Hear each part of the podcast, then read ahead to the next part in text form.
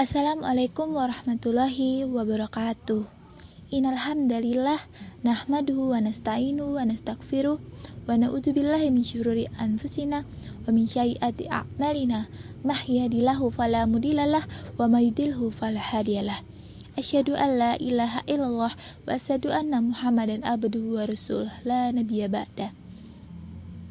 Pertama-tama, marilah kita ucapkan rasa syukur kita atas kehadiran Allah Subhanahu wa taala karena atas limpahan serta rahmatnya kita masih bisa dipertemukan meskipun dalam keadaan online. Alhamdulillah.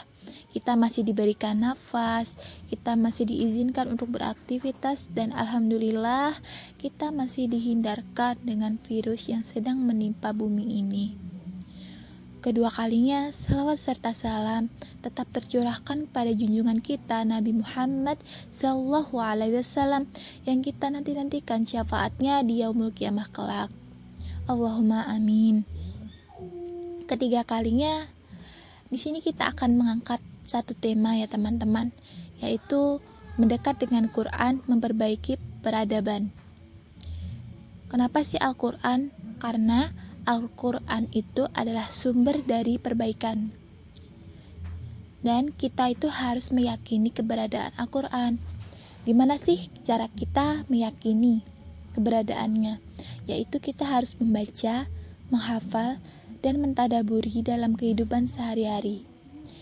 Jadi kita nggak nggak bisa gitu, cuma menjadikan Al-Quran itu sebagai pajangan di meja gitu. Itu nggak bisa karena Al-Quran itu akan semakin bermanfaat kalau kita membacanya sehari-hari. Terus, kalau kita pengen jadi generasi Quran, kita harus melawan hawa nafsu. Melawan hawa nafsu seperti malas, dan kita harus bisa menghindarilah intinya. Karena apa? Al-Quran itu akan lebih baik jika dibaca, dipelajari, dan dihafalkan orang yang menghafalkan Al-Quran itu nanti kan dijanjikan oleh Allah Subhanahu wa Ta'ala, dia akan bisa memberikan mahkota kepada orang tuanya. Subhanallah, masya Allah, begitu indahnya janji Allah terhadap orang-orang yang mau menghafal Al-Quran dan mendekat Quran dapat membentuk akhlak yang tangguh seperti kepatuhan kepada Allah. Jadi, Al-Quran itu juga bisa membentuk karakter kita. Banyak orang yang akhlaknya itu tercermin baik gitu kalau mereka itu sering mempelajari tentang Al-Quran. Dan ternyata orang-orang yang dekat dengan Al-Quran itu memiliki keutamaan sahibul Quran loh teman-teman. Di antaranya, yang pertama mendapat syafaat di hari kiamat itu terdapat dalam surah Al-Baqarah dan Al-Imran. Yang kedua, permisalan orang yang membaca dan mengamalkannya bagaikan buah utrujah. Rasanya rasanya enak, baunya juga enak.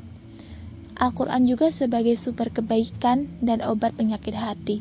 Jadi, kalau kita iri dengki sama orang, kita coba deh baca Al-Quran. Insya Allah iri dan dengki kita itu akan hilang karena kita sadar buat apa sih kita iri buat apa sih kita dengki. Ya seperti itu ya kan?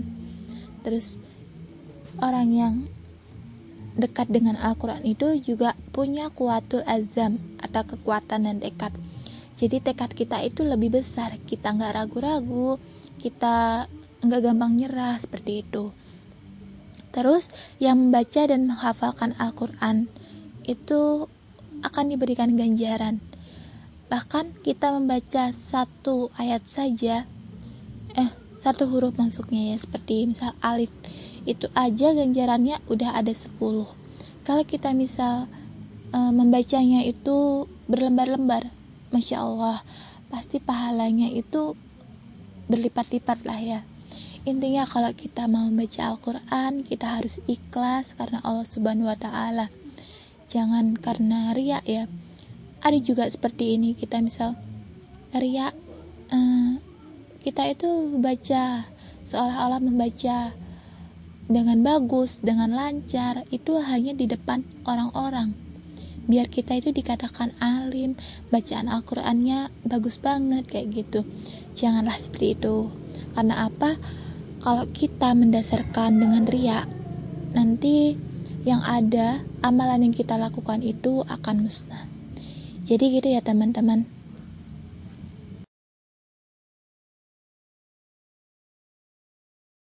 Sekarang ini, keadaan lingkungan di sekitar itu lebih cenderung dekat pada gadget daripada dekat dengan Al-Quran.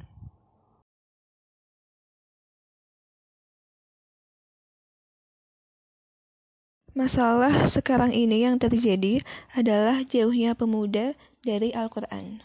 Ya memang, mungkin kesempatan dapat datang lagi, tapi waktu yang lalu tidak akan kembali, jadi manfaatkan waktu sebaik-baik mungkin untuk dekat dengan Al-Quran. Ibnul Qayyim rahimahullah menyatakan, Apabila engkau ingin memetik manfaat dari Al-Quran, maka fokuskan hatimu saat membaca dan mendengarkannya. Pasang baik-baik telingamu dan posisikanlah diri seperti posisi orang yang diajak bicara langsung oleh zat yang memfirmankannya. Al-Quran ini makin sempurna pengaruhnya bergantung pada faktor pemberi pengaruh yang efektif, tempat yang kondusif, terpenuhinya syarat, terwujudnya pengaruh, dan ketiadaan faktor yang menghalanginya. Maksud dari tempat kondusif adalah hati yang hidup.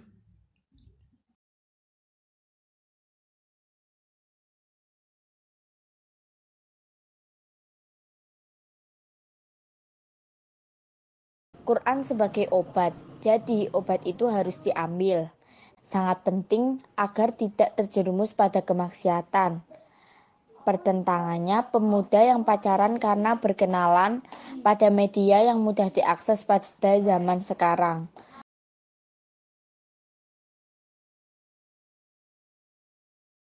Kesadaran kurang terlalu sibuk dengan dunia. Sholat yang masih bolong-bolong Sholat mencegah dari hal-hal keji dan munkar. Saran. Tahu arti bacaan sholat, lisan membaca surat dalam hati, tafsirnya jadi hati jangan kosong. Quran Surat Yasin ayat 70 A'udzu billahi minasyaitonirrajim. Bismillahirrahmanirrahim. Liyundiro mangkana hayyau wa yasiqal qawlu alal kafirin. Terjemah arti supaya dia Muhammad memberi peringatan kepada orang-orang yang hidup hatinya dan supaya pastilah ketetapan azab terhadap orang-orang kafir. Mudahkah mengamalkan kandungan dalam Al-Quran? Menurut saya sulit. Dalam menjadi pribadi Qurani, pastinya kita butuh figur yang menginspirasi. Tapi siapakah seharusnya figur yang kita idolakan?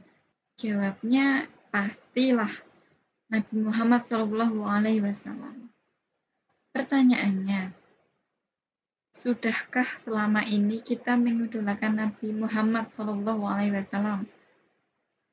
Kenapa harus mengidolakan sih? Karena jika kita sudah mengidolakan beliau, pasti ada rasa kepo bagaimana sih keseharian beliau, amalan-amalan yang, yang dilakukan oleh beliau, sehingga dalam mencontoh kepribadian beliau ya kita melakukannya dengan senang hati ya. Sebagaimana apa yang beliau kerjakan itu, apa yang beliau jadikan sebagai pedoman itu ya semua tergambarkan di Al-Quran gitu. Bolehlah kita senang, bolehlah itu nyaman, tetapi pertanyaannya, Allah marah tidak? Dan yang kita anggap itu menyangkarakan ya, atau yang kita anggap itu beban, justru itu amalan yang dicintai oleh Allah. Nah, inilah yang harus kita perhatikan ya. Kita harus menjadikan amalan yang dicintai Allah itu menyenangkan dan amalan yang di, yang tidak dicintai oleh Allah itu amalan yang menyengsarakan. Sebagaimana yang dikatakan Abu Bakar Asyiddiq, kecerdasan yang paling cerdas itu adalah takwa. Dan kebodohan yang paling bodoh itu adalah maksiat. Nah, inilah yang perlu kita tanamkan ya.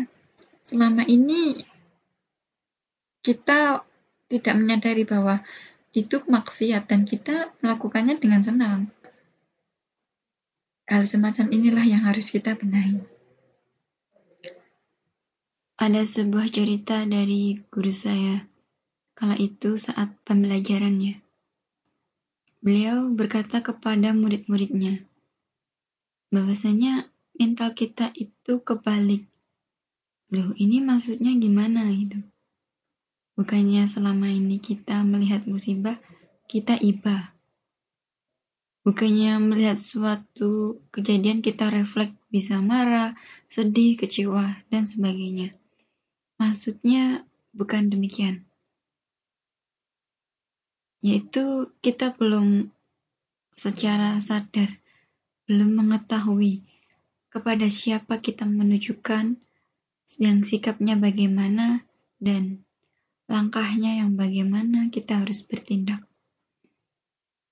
Contohnya, dalam kehidupan sehari-hari, bolehlah kita suka membantu terhadap sesama. Takutnya kalau kita menolak bantuannya, yang ada kita berpikir, nanti kalau tidak saya bantu, pertemanan kita bisa renggang. Atau dia bisa berpandangan buruk terhadap saya gitu. Kita bisa berpikir ini itu yang memungkinkan terjadi. Tetapi beda hal dengan orang tua kita sendiri.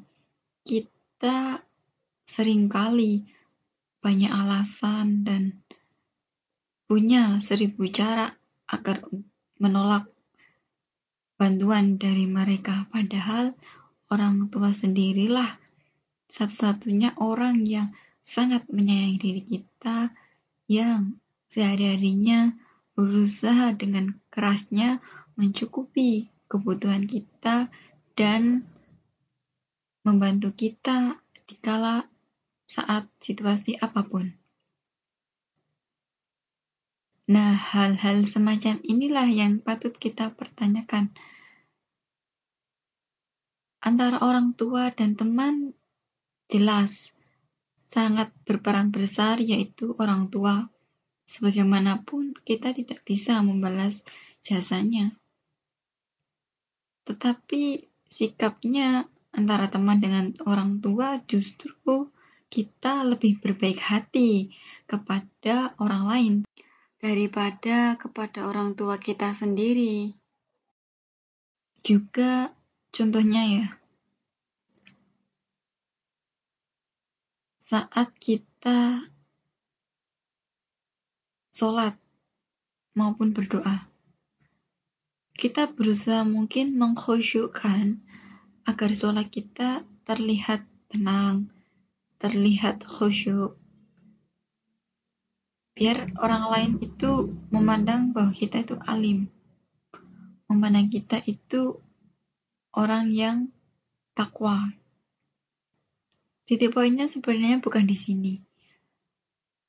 Sebenarnya seharusnya kita itu malu dengan Allah kita sholat untuk apa, ditujukan kepada siapa, dan seharusnya tindakan kita lah yang harus sesuai apa yang kita niatkan gitu.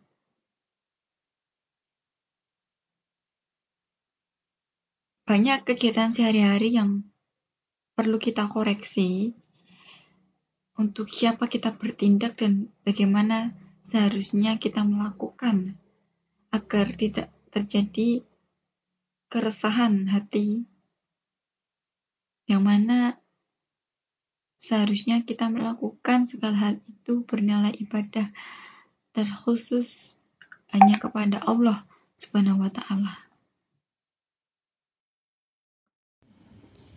Langkah untuk mengoptimalkan diri untuk berpegang teguh kepada Al-Quran. Apa aja sih langkah-langkahnya? Kalau pendapat aku, yaitu kita harus uh, intinya kayak bergaul sama orang-orang yang dekat juga dengan Al-Quran. Karena apa? Pergaulan itu juga berpengaruh, berpengaruh sekali. Seperti uh, halnya itu kita berteman dengan orang yang menjual minyak wangi, nanti kita juga akan terpercik wewangiannya. Dan kalau kita berteman atau bergaul dengan orang-orang yang menghisap rokok, nanti kita juga akan bau asap rokok. Seperti itu perumpamaannya. Selain itu, kita harus juga yakin, harus yakin seyakin-yakinnya bahwa apa pun yang terjadi itu sudah keinginan Allah Subhanahu wa taala dan kita udah dikasih petunjuk ya dari Al-Quran gitu.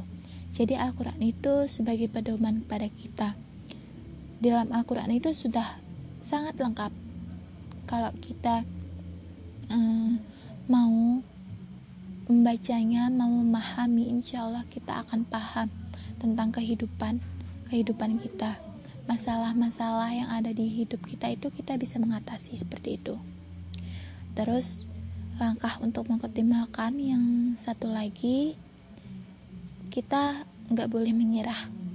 Jangan menyerah. Intinya kalau kita dikasih ujian sama Allah itu berarti Allah sayang sama kita. Kalau misal kita menghafal Al-Quran sulit banget susah banget. Itu artinya anggap aja Allah ingin kamu membaca ayat itu berulang-ulang. Lihat artinya Mungkin saja di situ nanti artinya itu ada sangkut pautnya dengan hidup kamu. Seperti itu ya teman-teman.